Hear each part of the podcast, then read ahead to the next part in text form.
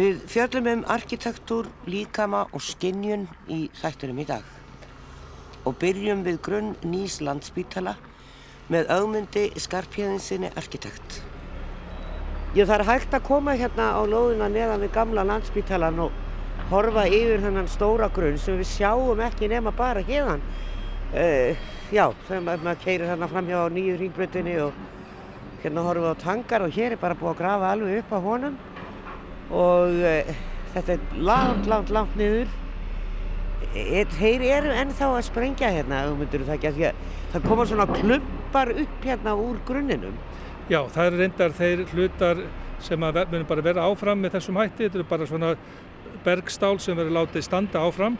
Það er alltaf þessi grunnur auðvitað feikilega stór og djúpur búið að flýta hér mikið magna vefni í burtu og það er nú ánægilt að segja frá því að menn spáðu um ymsið hverjir slæmu fyrir þeim flutningum en þeir hefa gengið afskaplega vel og, og, og áfallalöst. Það er dálítið vinna ennþá eftir við, við, við, við grunninn og einhverja smá sprengingar en, en þetta hefur gengið ótrúlega vel og náttúrulega skilningu þeirra sem að starfa hér á svæðinu og, og náttúrulega sjúkling og aðstandenda þeirra eh, gagvar þessu verkefni er, honum er alveg við bröðið þannig að, að þetta hefur þetta gengið alveg vonum framar. Já. Hérna sérður raun og verðið með standa hér á þessu stað sem ég nú er hvet fólk til að gera og skoða, þetta er fráðulegt að sjá þetta.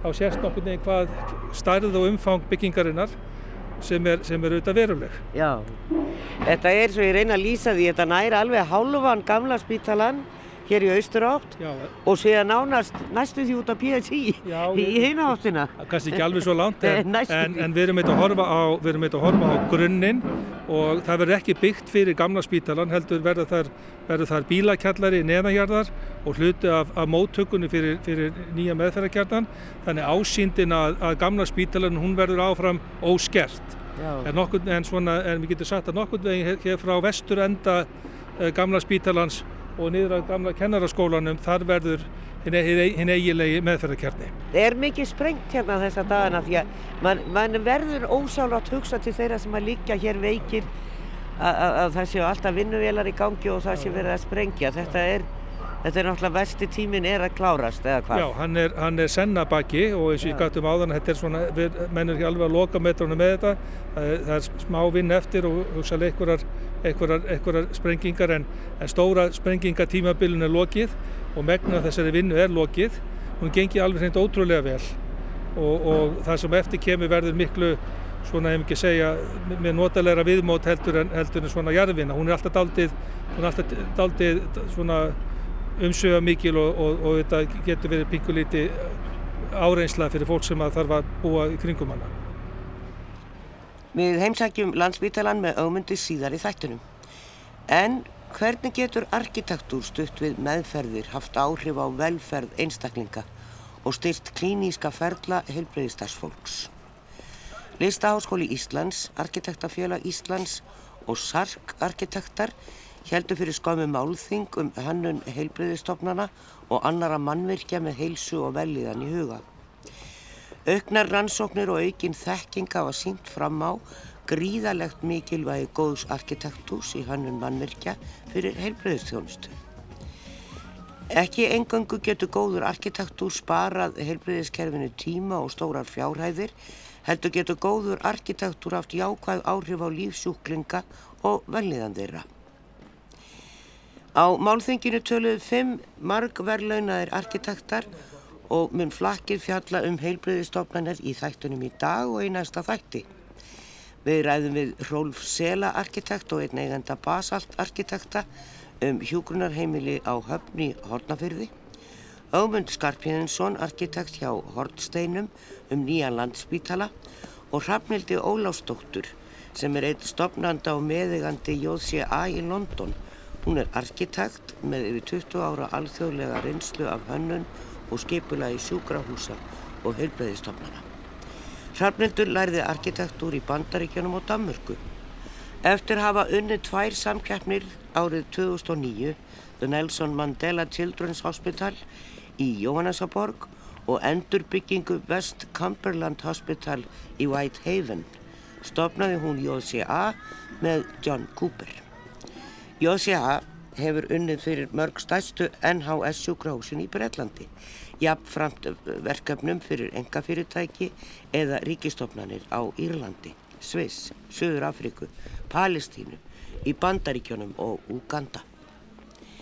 Hrafnildur sammeinar færni í hönnun og djúpa þekkingu á klínísku skipulagi og vinnu með viðskiptavinum bæði á stefnumótandi og ídarlegum stegum verkefna. Allt frá flóknum sérfræði sjúkrahúsum fyrir krabbameinslækningar, barnalækningar eða taugalækningar til nýstárlegra samfélagsbygginga og stefnumótunar til endurbyggingar.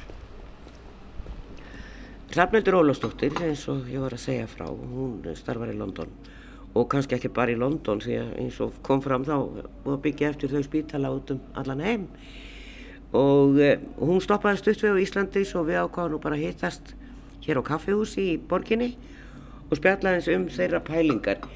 Það sem að var nú svona alveg bara kannski rauð lína í gegnum alla fyrirlestur hann var áherslur á byrtu og gróður Eh, þetta er einhvern veginn eh, já, þetta er einhvern veginn gefur auga leið finnst manni af þessu leiti en þetta hefur kannski ekkert verið upp á teiningnum maður hugsaður um borgarspítalan og nýjustu byggingu landsspítalans sem er byggð 70 og eitthvað þá er þetta bara gangar og herbergi en glukkar náttúrulega og sérðu út og það er svolítið gróður í kring en ekki kannski verið að leggja áherslu á það get náttúrulega ekki svara fyrir þessar byggingar. Orgarspítalinn, hann er nú kannski ágættur á mörgu leiti, uh, ekki vesta hús sem maður sér.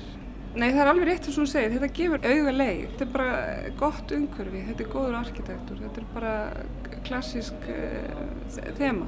Já. Uh, já, þetta er bara góður arkitektur, hefur, hefur góða lýsingu, dagsljós, en þetta er náttúrulega umhverju fyrir sjúklinga, það er fólk sem líður ítla oft og er undir í uh, aðstæðum sem eru mjög streytualdandi mm. og þess vegna í því samhengi eigum við að leita að leiðum til þess að hjálpa með þessa streytu og það er laungu sann að, að, að góð dagspyrta, eh, útsýni og náttúra er róandi. Og við vitum það öll, hvað gerum við um helgar ef við viljum slaka á? Bara náttúrulegt, þú ferð í göngu við heimörk eða á esuna á þessar luti þannig að það ætti ekki að þurfa neina rannsóknir til þess að sannfæra okkur sem stand, stöndum að þessum verkefnum og erum að e, þjóna, þjóna hagsmunum sjúklinga og almennings, samfélagsins að, að draga þessar hluti e, inn í þessar e, mikilvægu ofnbyrju byggingar Þið hafið náttúrulega teiknað eins og ég sagði sjúkrahús alveg niður til Afríku og Já. út um alla Evrópu og í London og Já. þetta eru nú oft gætnan miklu miklu stærri byggingar en við erum að byggja hér á litla Íslandi þó okkur finnist það mjög stórt hér það sem við erum að byggja Já. verður þetta ekkert vandarsamara þegar það eru komin í svona, svona það sem að þarf að koma fyrir mörg þúsund fermetrum og koma fólki inn bæði starfsfólki og sjúklingum Já. eða hvað ég var að segja kunnum því að þú hafi líka orð og því að þú vildir ekkert endilega kalla dvalargesti dvalargesti, já. í, í hveragerði sem, sem ég kynst undan farið og það er uh, frábælega spennandi verkefni þannig hveragerði en uh, sko þú spyr, spyr okkur finnst oft uh, sjúkrahús vera það talað um það eins og þessu flóknar en þau er í raun og veru. Nú ger ég grein fyrir því að ég er búin að vinna við þetta nánast í 20 ár. Og ég segi það oft uh, við þá sem spyrja hvað ég gera. Það er mitt starf að gera mjög flokkna hluti einfalda á öllum, uh, öllum uh, levels af, af þessum verkefnum. Vegna þess að jú, auðvitað er þetta flóki verkefni og þetta er spítanum með kannski 20.000 herbyggjum og þetta er yfirþyrmandi og öllum þeim hagsmunu aðlum sem koma að því, allir þeirri pólitík, eh, pressu frá peningum og svo frá þessu framvegis. Eh, það er ekki nema kannski 20-25% sem eru mjög svona high-tech sértæk rými. Restin af sjúkrósunni eru típolókjur sem sérði öðrum byggingum, þú veist, legudeld, hvað, hún, hún er nánast, þetta er hótelaugstur á einhverju, einhverju dagi, skilju hvað ég veit. Um, það eru kennslurími, kennslurími eru kennslu, kennslurími, það eru starfsmannarími, þetta er starfsmannaðarstaða og svo framvegis. Þannig að þetta er vinna mín, skilju. Þannig að kannski, þetta er flókið en það, það er okkar starf fólks eins og mér að, að gera flóknir hluti einfalda og, og búa til eitthvað, eitthvað áhugavert úr því sem er 100.000 smáadri ef það meika sens. Þið hafið tekið þátt í mörgum samkjafnum, er Já. það eitthvað sem að þið gerir reglulega því því það er alltaf verið að byggja heilbreyðistofnanir? Já, við gerum það reglulega, ekki eins reglulega kannski stofum sem sinna vinnuverkefnum en þess að við, við vinnum einu samkjafni eins og við vinnum samkjafni um krabba með sjúkurhás í, í Palestínu, það er nú orðið þrjú ár síðan. Það hefur eiginlega held ekki stofuna uh, það verkefni að því við hefum aldrei viljað vaksa. Við, við erum alltaf lítil uh, þétt eining. Nú, núna er í farvatninu, uh, eru nýja samkjöfnir. Það er náttúrulega spennandi tíma fram í, í, í Breitlandi með, með nýri ríkistjórn sem hefur lofað öllu mögulegu. Og var að minnstakosti 6 nýjum sjúkurásum strax. Og svo held að minnir það að séu 10 eh, spítalar, nei 20 spítalar næstu 10 árum og síðan eitthvað lenga fram 40 spítalar. Og sjá hvernig það er. En það er eitthvað að gera sko eftir í Breitlandi eftir 10 ára eigðumerku göngu þar, það hefur nánast ekkert verið að gera þar. En við hefum sko reynd að ná í verkefni erlendis eitthvað sem okkur þótt meira áhugavert Við vunum mikið með engarsjúkurás í, í Genf í Sviss. Þetta hefur verið mjög áhugaverð upplifun sko að, að hafa þessi verkefni hérna í Palestínu og Sviss til dæmis á sama tíma því það er algjör andstaða sko. Uh, það er náttúrulega eh, svissnest uh, budget, hvað heitir það í íslensku? Já, fjár, fjármagnir í Sviss. Fjármagnir í Sviss og allt sem þeir geta frábæri að byggja sko og allt það og, og svo þannig í Palestínu þar sem þeir eru að þetta er raun og spítal sem er ekki til sko þannig að við komum sem algjörir ágjafi fyrir það við þurfum að hjálpa þeim að setja saman teimi af þeirra, þeirra hliðskiluru þetta er náttúrulega algjörlega undir mannaðir til að fást við verkefni þessari stærð.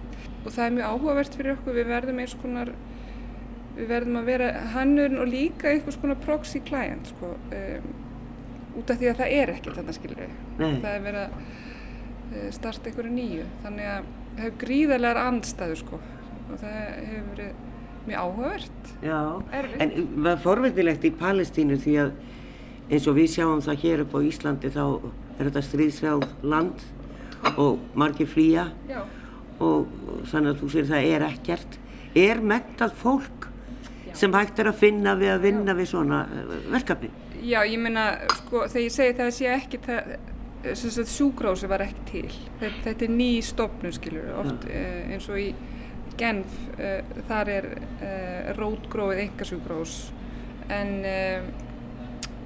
í Palestin eins og, eins og við upplifum í Suður-Afríku að það er náttúrulega einstakst starfsfólk vegna þess að í þessum þróunarlöndum þá það eru tækifær þar til þess að hoppa yfir fasa í, í þeim ferlum sem við vestrannu hefum, höfum farið í gegn, gegnum, eða skilur hvað ég veit. Miklu fleiri reglugerðir hér og. Það eru fleiri reglugerðir og svo framveg, þannig að það er kannski, fólk eru opnarnir fyrir nýjungum.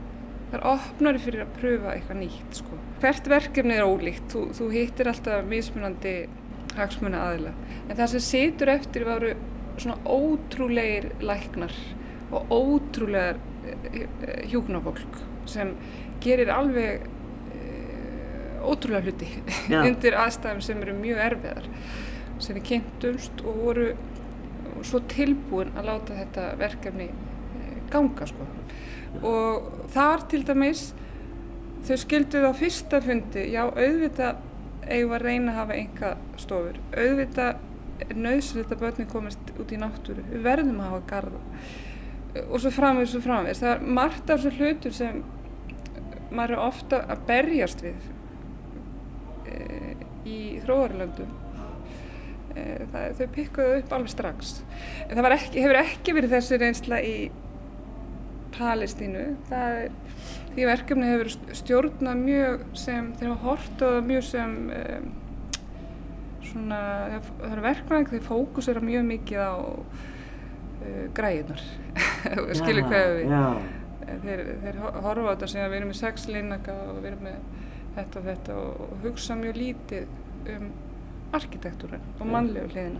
Eru til einhverja mælingar um það sko að fólk sem hefur leið inn á sjúkrastofnun sem er svona nútímaleg og það er náttúra og það er góð lýsing og gott, góð loftræsting og allt þetta sem að krafan er eiginlega um í dag Já.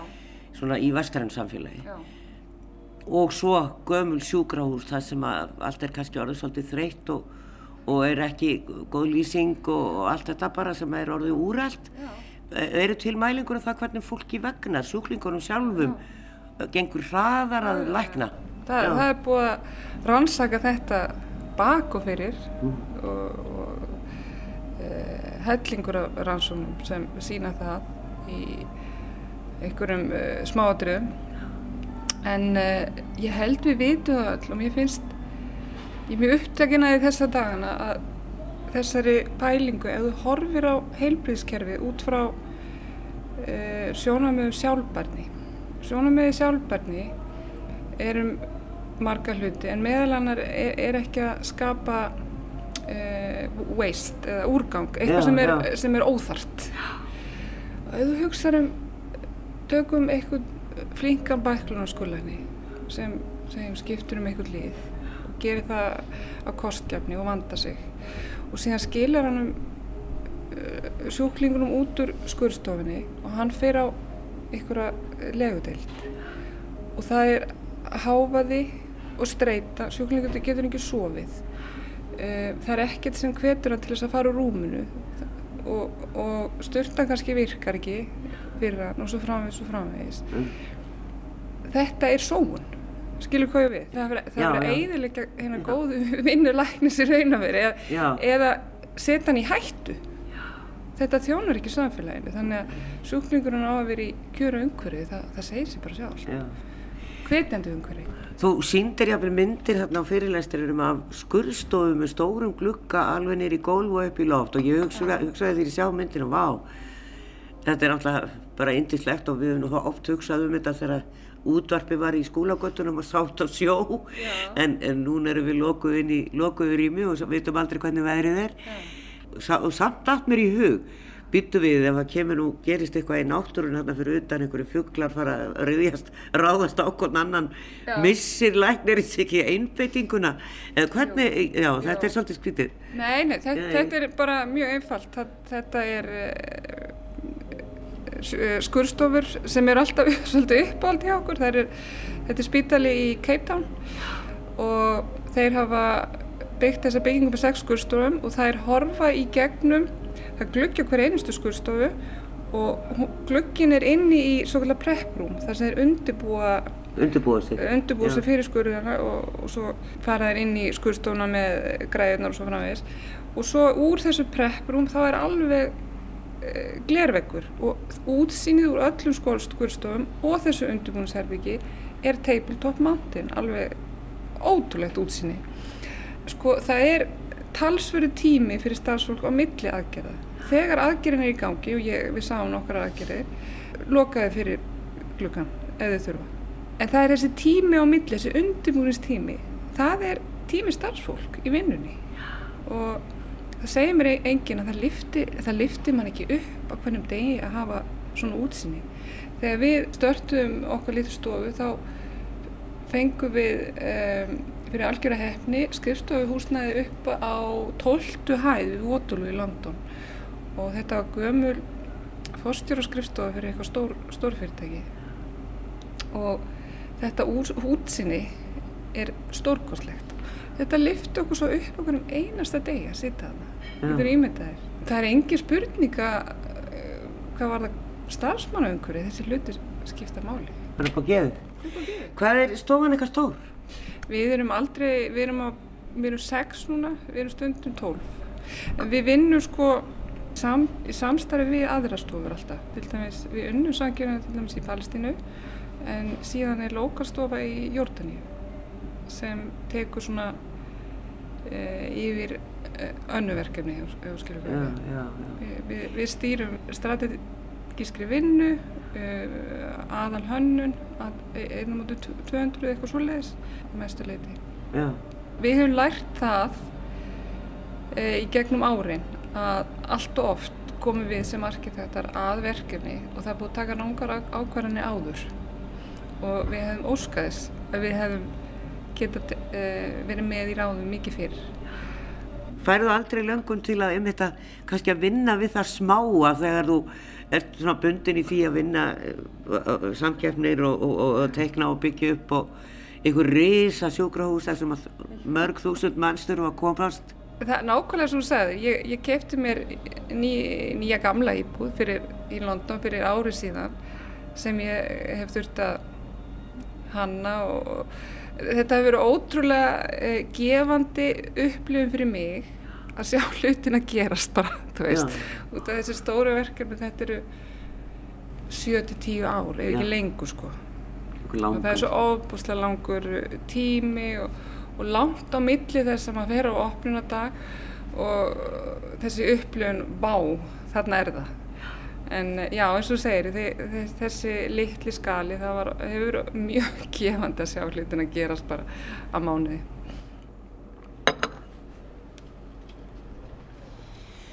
Sagði Hrafnildur Ólafsdóttur arkitekt við bregðum okkur næst á landspítalan í Reykjavík og hittum Ögmund Skarpíðinsson arkitekt frá Hortsteinum.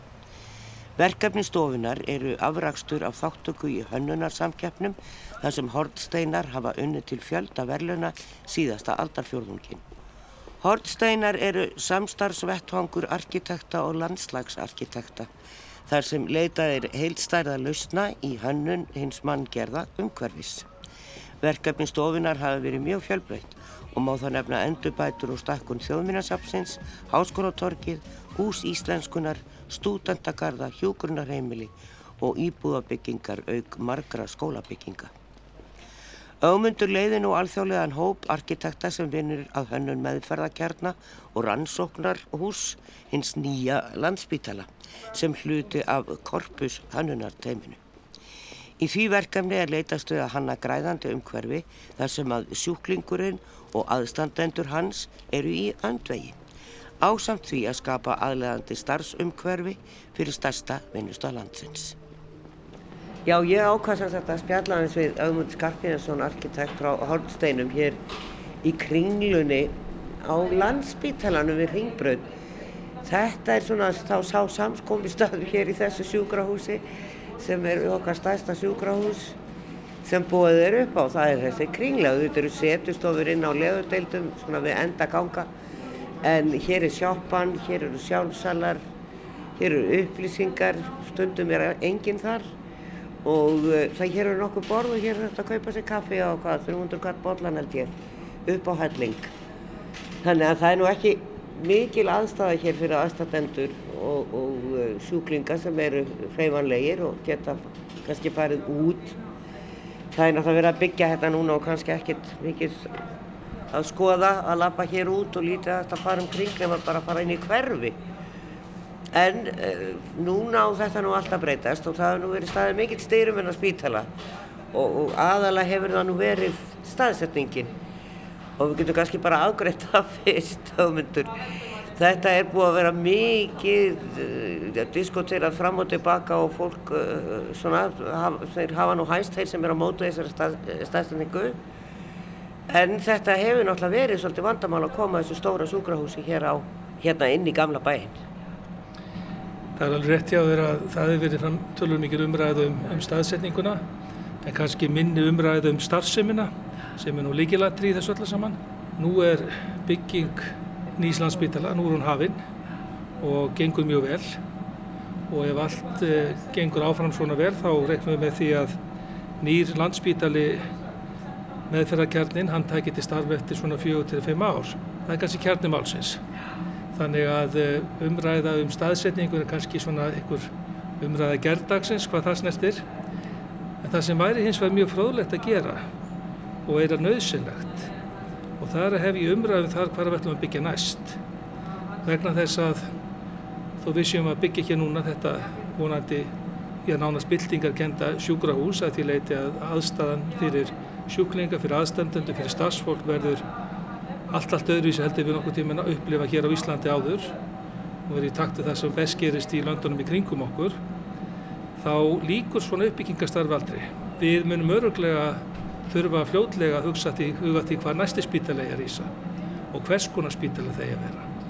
Og sá spítalega verður öruglega mjög ólíkur því þeim spítalega sem við erum að reysa í dag og líklega mun ekki eins og heita spítalega, mun heita eitthvað, heita eitthvað allt annað og við þurfum að taka þessu umræðu. Hún er mjög áhugaverð og hún getur verið mjög uppbyggileg. Öruglega alveg rétt hjá þér því að við erum náttúrulega alltaf sein að byggja þennan spítala sem er verið að byggja núna. Að það átt að vera komin fyrir 20 árum eða hvað, hvað viltu meina um það? Það er búið að dragast svo rosalega. Það, það hefur dreyist mjög mikið og það er alveg hárið hjá þér og það er alltaf áhugavert að í löndunum í kringum okkur þá erum við auðvitað að skoða þau sjúkrahús sem, sem eru til staðar sem oft eru margvalt stærri heldur en það sem við höfum eða höfum verið að byggja og ætlum okkur að byggja og tillegin er svo að, að að frekar að minga sjúkrahús heldur en að stækka þau. Nútíma tækni henni flekt svo mikið fram að margt af því sem að gerist á svona hefðbundin sjúkrahúsi það mun gerast innan örfára missir og þegar farið að gerast að, að, að fólk notar bara nýjustu tækni, snjálfsím og fleira til að skila blóðpröfum og hjartalínuriti og öðru þess áttar. Tilnefningi við á meilandi Evrópi svo að, að minga raun og verða húsnæði sem spítalur þurfa á að halda. Uh, við erum eins og þannig sveit sett sko að við eigum enga spítala til að sitja á slangikurs að því við byggðum aldrei spítala þegar við þurftum að byggja spítala. Þannig að nú erum við að byggja nýja spítala sem er, er, er, er vísu stór bygging en sannarlega ekki og stór fyrir þá starfsemi sem við sjáum fyrir okkar verðið þar næstu, næstu áru og ára tíu. Ég sá það og allar áherslur á, á þessari ráðstefnu og á það sem var bara eingöngu fjallað um hjúgrunarheimili og heilbriðistofnanir og það á núna á leiðinni sem hefur ekki komið fyrir nú til Íslands að uh, það er spurningum lýsingu, loftræstingu, gróður uh, og aðgengi þægilegt fyrir alla og, og, og þetta er svona í fyrsta sinn sem að vera að setja þetta kort því að það hér til dæmis er ekkert óðurlega þægilegt aðgengi og, og lítið, jú það er gróður í kringu spítalan en hann hefur einhvern veginn svona staðið svolítið sér og ekki verið verið einhvern veginn ætlast til að fólk færi hérna á túnið fyrir neðan gamla spítalan og það hefur ekki verið neinn aðstæða til útvistar. Það er alveg hárið eftir þér og hérna það er, þegar við komum fyrst að þessu verkefni og það er nú bráðið fimm ár síðan, þá hald, voru haldna nokkra vinnustofur með, með starfsfólki spítalans, við kallum það notenduna, það er þeir sem að starfa hér frá degi til dags og það var farið á þessu vinnustofur svona yfir alla verkferðla í, í sjúkrahúsinu með það fyrir augum að nýrspítali hann endur speiklaði verkfellan er ekki öfugt. Og eitt af því fyrsta og eitt af því sem að allir starfsmenn hér sem að tóku þátt í þessari, þessu vinnustofu, þeir voru yfir 300 talsins, lögðu áherslu á voru nákvæmlega þetta að aðkoman að, að þessu nýja meðferðarkjarna eh, viðmótið sem blasti við þeim sem að þanga þeirrt að sækja þjónustu og aðstóð, aðstandendum og þetta ekki síst starfsfólkinu sjálfu að þetta væri menn höfðu vant ykkur um það að það er eitthvað verulega öðruvísi heldur en, heldur en við erum að sjá í dag. Og það er nú alveg í takt við það ef, ef þú skoðar það sem er að gerast í löndunum í kringum okkur. Það hefa risið á síðustu svona 10-15 árum alveg heila nýja kynsluðu sjúkrahúsa, einhverjum og sérlega í Norður-Evrópu og Norður-Ameríku. Norður það sem nákvæmlega þetta klassíska sjúkrahús yfirbræðis og við þekkjum það, það er eiginlega horfið. Þú vorust að koma inn í, inn í, inn í bjart og opið rými sem tekur vel á mótið þér Sjúkrahúsgangurinn er orðin að eins konar lifandi göngugötu sem bæði sjúklingar, aðstandendur og starfsfólk ferðast um og þetta er bara orðin allt, allt annar heimur. Þetta ber ekki lengur keim e, sjúkrahúsins eins og við þekkjum það. Og það stundir verið sagt í þessum hönnunafræðu sjúkrahúsa að, að e, spítalar eigi meira skilt við flugstöðuvar og, og vestlunarmiðstöður heldur nokkuð tíma sjúkrahús eins og við þekkjum það vegna að þetta snýst allt um það að koma fólki frá einu stað til annars, koma vörum og þjónustu frá einu stað til annars, að hafa flæði í hlutunum. Og það hefur feikilega mikið vinna verið lögð í það að, að kanna það með hvaða hætti, þetta verður best leist í, á nýjum spítala og ég held að við séum með, með býstan svona einfalda en, en sterka hugmyndi því hvernig, hvernig það er leist. En út af þrengslunum og svona e, stærðið loðarinnar, E, hefur þetta verið mikil höfverkur að, að, að sko, koma nútímanum inn og koma allir þessari byggingu fyrir og allir sem þar þarf að vera? Sjálfur sér ekki. Það er náttúrulega hefur verið unnið hér að deiliskypulagi og það var samtitt fyrir nokkrum árum og við vinnum inn að ramma deiliskypulagsins. Það er gert ráð fyrir sko, meðferðarkernin sem nú er í byggingu. Hann er uh, um það byrj 70.000 fermetrar, síðan er byggt rannsóknarhús sem að tengist í sem er 15.000 fermetrar og síðan mun heilbriðisvísindasvið háskólans byggja sína aðstöðu hér. Þetta er svona þrýhjörningu sem starfa með mjög náðu saman og, uh, og hann mun taka hluta þessu svæði en það er enþá mjög rúmt hér um, um, um svæðið og svo maður heldur ekki gleyma því að þá er þetta eftir að komi ljós nákvæmlega hvernig núverandi húsakosti verður ástafað af hverju miklu leiti hann verður nýttur áfram af miklu miklu leiti með mun einfallega að rýfa ykkur af þessu byggingum og, og þróa svæðið upp á nýtt þannig að ég held að, að plássið fyrir þá starfsemi sem að þessu tiltekna sjúkrahús er ætlað að hýsa, það sé alveg mjög ríflegt. Já. eins og ég gæti um áðan, þegar við hugum næsta því að fara að koma okkur fyrir eða hugsa að byggja upp aðstöði fyrir helbriðistjónustu, þá er mjög líklegt að við horfum eitthvað aðra staði, bara eðli mál sem samkvæmt. Borgin hefur stækkað en þá frekar, um, áherslutin öðruvísi þannig að, þannig að þetta, þetta svæði hendar príðilega og alveg nægilega fyrir þá tegunda sjúkrahús sem er alltaf reysa hér en við munum auðvitað ekki til eilið að náns uh, byggja á þessum stað. Við skulum tala saman þetta er 100 ár lýsa og sjá hvað við byggjum þá. En það er alveg fjöldimanns, Korpus heitir hópurinn Já, já, kallaður já. sem kemur að þessu og þetta eru marga stofur, bæði verkfræðistofur og, arkitektastofur og sérfræðingar að utan. Hvers konar sérfræðingar eru þetta sem þeir eru að leita helst til í, í útlandum? Við erum náttúrulega fyrst og næst að horfa til, til, til aðila sem hafa, sem hafa reynslu að byggingu sjúkrahúsa, fjölbreyttra sjúkrahúsa, sérhæðara sjúkrahúsa og almennra sjúkrahúsa.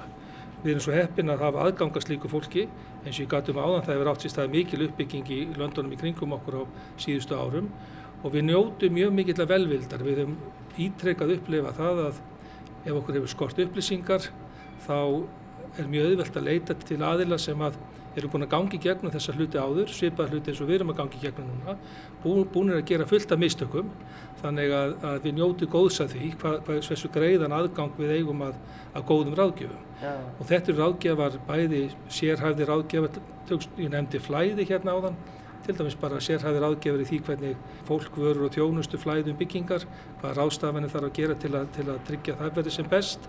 Þetta eru líka sérfræði ráðgjafar í tækni, loftræstingu, raflögnum og ímins konar sérhæður í tækni. Svo er þetta náttúrulega arkitektar sem, að, sem eru búin að fara gegnum, má segja, ímsar útgáfur af spítulum.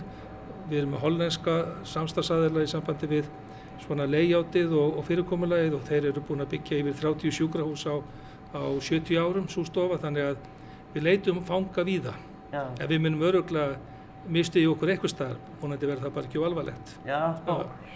Sumir hafa verulegar áhyggjur af bráðadeildinu, það eru náttúrulega miklar áhyggjur af henni núna eins og við heyrum í fréttum nánast á hverjum degi.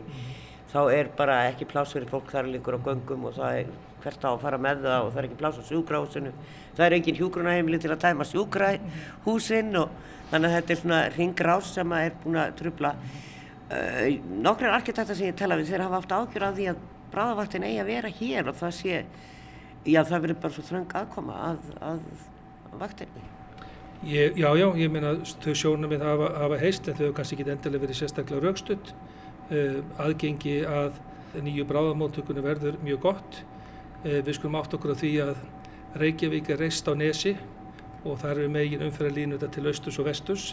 Þannig að uh, það skiptir kannski ekki öllu máli hvort þú staðsetur svona starfsemi á vesturendanum eða austurendanum. Þú þarft alltaf að tryggja aðgengi og það er kannski kjarni mál sem sé allir umræður um staðsetningu landsbítalans að, að það þarf auðvitað að tryggja það að það verði greitt aðgengi að, að svona starfsemi því svona starfsemi hefur alltaf í för með sér mikla umferð. Það er alveg sama hvað þú reysir sjúkurhús, það hefur alltaf í för með sér umferð. Hún hverfur ekki neitt þó að þú farir með sjúkurhús út af fagsaflóa, það, það er ennþá að vera hægt að koma að staði.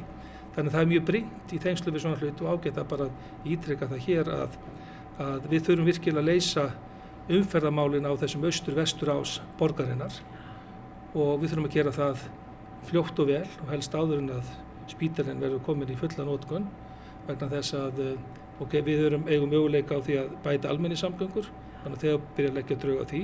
Við þurfum líka að auka umferðarýmdina þó við ætlum ekki endilega að auka umferðina. Og svo þurfum við að vera þóra að taka upp umferðarstýringu. Þetta er allt þættir sem menn þurfum að skoða og bara drífa sér að framkama hægt að tala um það og bara framkama. Það sem ég, sem ég reyna að segja er að, að, er að tryggja gott flæði umferðar og það ger alla glada bæði þá sem ferðast gangandi, hjólandi, akandi eða einhvern veginn öðruvísi. Kannski er það bara loftbelgur þar sem menn nota hér til að ferðast á milli staða, það veit maður. Já, en uh, þetta er líka eins og ég segi í gamla landi, í gamla bænum og umfang byggingarinnar, 90.000 fermetrar segir, þetta er ekkert smá hísi en þetta er ekki, þetta fer svolítið mikið niður í jörðina og núna með að við erum að tala um byrtu og sólarljós og gróður og annað þá er það legudeildina myndi aldrei vera þarna og ný eh, neðan ég, það get ég ímynda mér, það verður alltaf bara kjánalegt en, en e eitthvað verður þar, Hvað, þetta er svolítið mál að lesa þetta. Alveg hárið þér og þetta er, hvernig sem á það er litið þá er þetta stór bygging, sjálf, sjálf meðferðarkernin 70.000 og svo átti 90.000 eh, rannsóknarhúsinu, með rannsóknarhúsinu, þannig að þetta er stór bygging. Og eh, við höfum brúðist við, við þeirri staðrænt með því að reyna að, að brjóta þetta mikla byggingamassa upp og við höfum raunverulega skipt húsinu í fimm sjálfstæðar, nána sjálfstæðar byggingar. Þannig að staðin fyrir þessi eitt stór klumpur þá er þetta raun og veru fimm, fimm hús, fimm stangir göllum við það. Og milli þeirra allra þar er, eru ljósgarðar inngarðar og ljósgarðar. Ljósgarðarnir fyrir þá starfsemi sem er á neðstu tveimarhæðum húsins sem verða mestuleiti niðurgrafnar en, en eh, svo garðsvæði þar á milli og milli stangan og jafnvel ofan á þögónum. Þannig að við erum að gera mjög mikið til þess að koma auðvitað allstæða dagspyrtu inn í húsi þar sem henni verið viðkomið. Eh, starfsemi sem er á neðst, sem er, má segja, neðanjarðar er, er þess eðlis að hún stráttið tekið þarnast ekki dagspyrtu Það er að segja að það er tæknirými, það er hluti svona eins og búningsklefar og, og eitthvað svona sér, sérstök framleiðsla sem, að, sem beinlinni sér óaskilegt að vera með dagspyrstu en allstað það sem eru, það sem veru vinnur í með starfsfólks reynum að koma dagspyrstunni inn með ymsum hætti. Þannig að við vonumst til að þetta verði mjög bjarthús og það er einu markmið okkar að þetta verði bjarthús og, og þessi, þessar hugmyndir um inngarðana, gróðursvæði til dæmis ofan á einna af þessar fimm stöngum verður bara stórt garðsvæði sem að hluta til verður innandýra og hluta til utandýra. Það tengis meðal annars endurhæfingum, endurhæfingadeild spítalans sem verður staðsett, eða þeim hluta hennar sem verður staðsett hér í meðferðarkjarnanum. Þetta er auðvitað algjörlega ný upplifun og uh, vonandi geta margi sjúklingar, margir aðstandendur og starfsfólk nýtt sér þetta. Auðvitað einhverjum tilvikum er, er, er auðvitað verður fólk að láta sér duga að bara horfa á þetta og njóta þess Þetta verður allavega til staðar þetta verður eitthvað sem við verður eitthvað algjör bilding í starfsumhverfum. Má þá segja kannski svona í lokinu ámyndur að, að við sittum hér og við heyrum í þessum blessuðu vélum hérna sem að suða allan daginn hér í þessari litlu kaffistofu ef við getum kallað það svo og búð. Starfsmann aðstæða, aðstæða sjúklinga og aðstandenda hún mun bakta til muna. Já, hún verður náttúrulega algjörlega, þetta er náttúrulega algjör bilding í, í þeim efnum og þar verður reynd að leysa hlutina eins vel eins og nokkuru kostur og, og í takt við það besta sem við þekkjum í dag. En að því hún nefnir hér hvar við setjum í kringlunni þá var hún kannski geta þess að þegar hún var reist fyrir halvru öll þá var hún líka bilding. Þannig að bildingi getur nú átt börnin sín. Sko. Nákvæmlega. Sagði ámyndur Skarpjænsson arkitekt.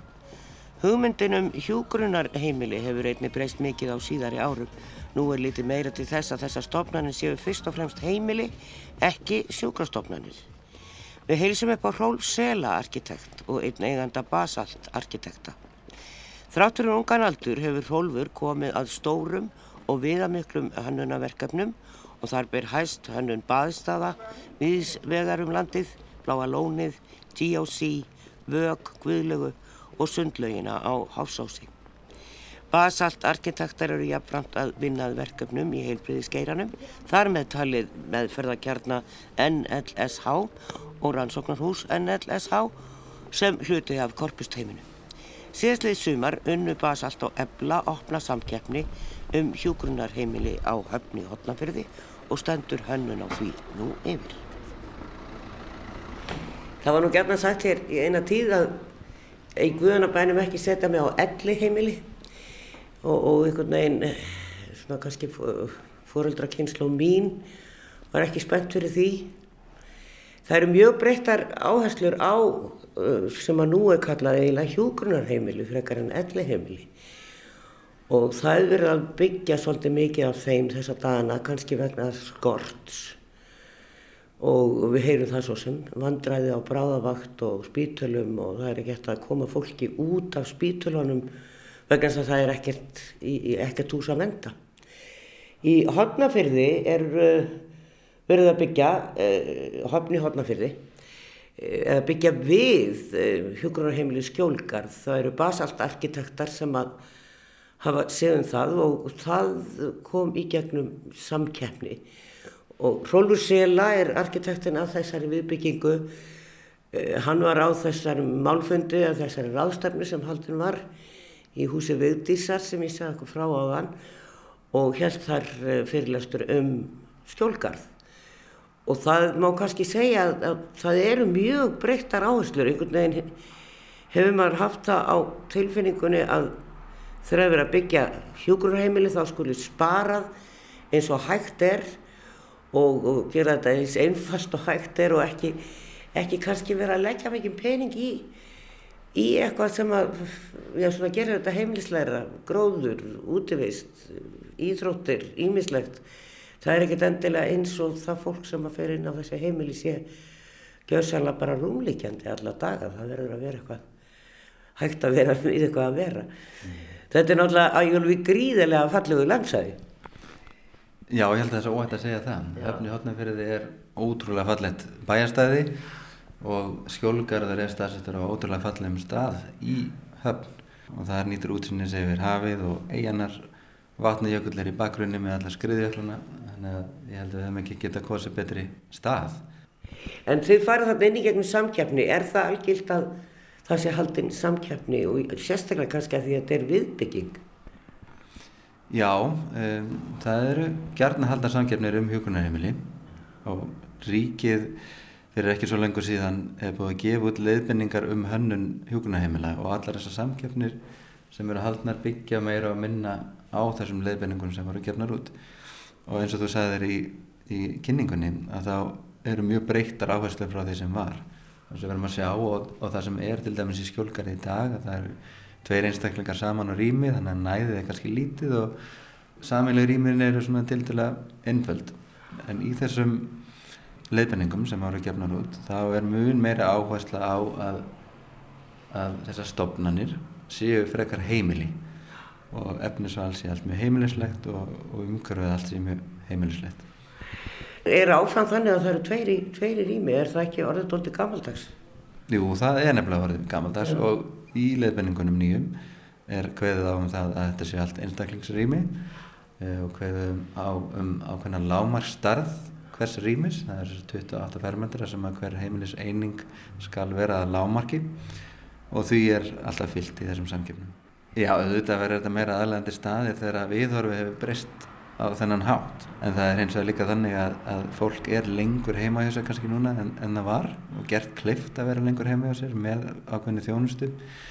Þannig að það er aldrei þannig að þeir sem er að fara á hjókunaheimilin eru orðnir frekar lasir, la, lasnir og, og þurfa aðstofa við að sinna svona daglu þörfum bara. En það er eins og er allir gangur á því Já. og fólk er ekkert allt alveg rúmlegjandi sem, sem er á þessum stofnunum síður en svo þannig að þeim er mikilvægur að verður að samanlega rýmin og útisvæði og annað séu vel og gerði gerð til þess að brjóta upp daglegt líf. Þetta er alltaf einu plani, þetta er bara einhæð það er, sé ég og því sem var verið að kynna þarna á þessari rástafnu að þá er hugsað mjög mikið um að það sé góð byrta, loftræsting mm. og að fólk hafi gróður nálega sér að það sé mjög áreðandi fyrir veljan mm. Eh, þess að fólks eða heimilismanna mm. Það er alveg rétt og eitt af því sem við skoðum vel í þessar samkeppni var hinn svo kallaða eten stefna sem að var uh, raun og hrundið að stað fyrir millir 20-30 árum í bandaríkunum af lækni sem að tók eftir því að, að þessar stopnarnir voru hálgerar vélar orðnar og rúslega ómanninskulegar og hann rangaði við sér þessi mjög svo vel lærði Harvard læknir og fann sig í þeirri stöðu að, að það mann var að gera bara meikað ekkert sens. Að þyrti frekar heldur en að áskrifa bara einhvern livjum til fólks að, að búa til einhvers konar umhverfi þar sem að þetta þyrft ekki. Ja. þannig að hann lagði upp með einföld stef hann vildi útrýma leiða einmannleika og valdefla fólk til þess að, að svona, hafa hlutverk í daglu lífi. Og eitt af því sem að eða þrengt sem hann lagði til til þess að berjast við þetta var að fólk hefði tækifæri til þess að vera í návist við börn, gróður og dýr. Og þetta er náttúrulega mjög einfalt og í hugmyndin okkar leggjum við upp með þetta þannig að þetta byrtist fysiskt í tillefunni, það er að segja að það er leikvöldur á, á lóðunni þar sem börn geta komið og, og notið góðs að, að nærverðinu við gamla fólki líka. Þetta er samband sem hann gengur að báða bóa og báða geta notið góðs af. E, í miðjunni á skjólgarði erum við með inngarð.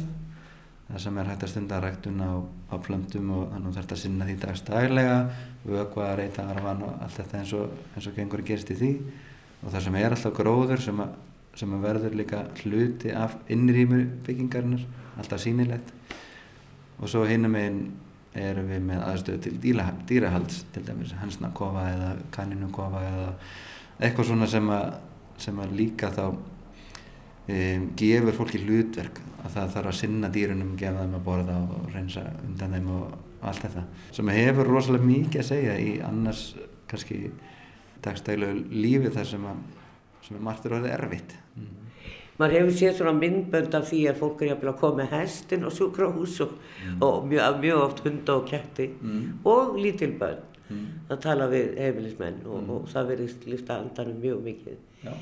Eh, þetta er bara náttúrulega fyrir íbúa hodnafjörða þarna mm. og það fólk er sjálfsagt mjög vant því að hafa dýrin frekar nálast sér því að þetta er náttúrulega ekki stór bær og, og búskapur ekki langt frá þannig að þetta er svona eitthvað sem að tengir við kannski þennan anda sem hefur verið á þeirra æfi Akkurat. Og fólk er líka gert kleipt bara að halda dýr í þessum heimilisreiningum ekki bara í þessum samfélagur rýmum. Og ef við snertum aðeins aftur á, á byrtunni og efnisnótkunni og öðru slíku og nærverfi gróður þá er ímiðskonar rannsóknir sem hafa sínt fram á það að góð dagspyrta og góð lýsing og návist við gróður hefur jafnvel meiri líkamlegar áhrif heldur en livjagjöf og, og annars slíkt sem að, sem að kemur á móti. Þannig að bara það að, að huga vel að þessum atriðum e, getur þýtt gríðilega mikinn sparnað á móti í lífækjöfum og öðru slíku. Mér þótti svolítið skrítið í þínum fyrirlestir þegar þú veist að lýsa byggingunni og sína hvaða rými væri hvar að maður kemur inn að þá einhvern veginn þá er líkhúsið þarna til hæri og svo er eldhús bara þar við hliðina og ég hugsaði bara einhvern veginn meðvitundin auðvitað er engin snertingan á milli en, en bara svona vitundin um það að líkhúsið er hérna við liðin á eldhúsinu. Mm. Eh, já, var þetta út af einhverju sérstöku að líkhúsið er sett hérna fremst í húsið? Ég þegar maður hanna svona heimileg þá þarf maður að hugsa ráðslega vel um flæði. Um, þetta er skipt í þrjár deildir. Það eru tvær deildir sem að karfast utanum inngarðin í nýbyggingunni og einn deild sem er í eldri byggingunni og Það var auka krafa á halvu sveitafélagsins að bæta þarna við kapellu og líkúsi meðal annars sem á að þjóna bænum öllum, ekki bara hjókunarheimilinu, vitaskuld. Eh, þannig að það var mikilvægt fyrir okkur að enginn þurfti að fara í gegnum deildina sjálfar til þess að geta nota bæði líkúsið og e, kapelluna og sömulegis er eldúsið eins og rættir hérna við hliðina líkúsinu og, og tengt við fjölunóttasal sem á líka verið hægt að nota um, fyrir sveitafélagi eða ekki bara fyrir hjókunarheimili sjálf þannig að til þess að komast ánga þarf það ekki heldur að fara inn í gegnum einar dildir og eldúsi þjónar í fjölundarsælun þannig að öll þessi rými sem að tilhera í sjálfu sér bænum fyrir utan heimili sjálf einhver leiti er ræðað þarna fremst í húsið þannig að þú þurfur ekki að tröfla starfseminna þegar þú leitar þangað. Og, og ég, þá voru fleiri tók ég eftir á málþinginu sem að veitu þessu sérstakka aðdegli með, með líkhúsið og, og hugsaðu einhvern veginn undarlega til þess en, en ég held að það sé óþarf að gera það. Ég held að maður horfi bara á veruleika stofnana eins og, eins og þessar að það er dauðinn hluti af daglu lífi og þarna er fólk að vera svona síðustu æfi dögum og og gerðnan deyr þá líka á þessum stöðum og þá er þetta bara eitthvað sem að fólk venst og, verður bara hluti að daglega lífi.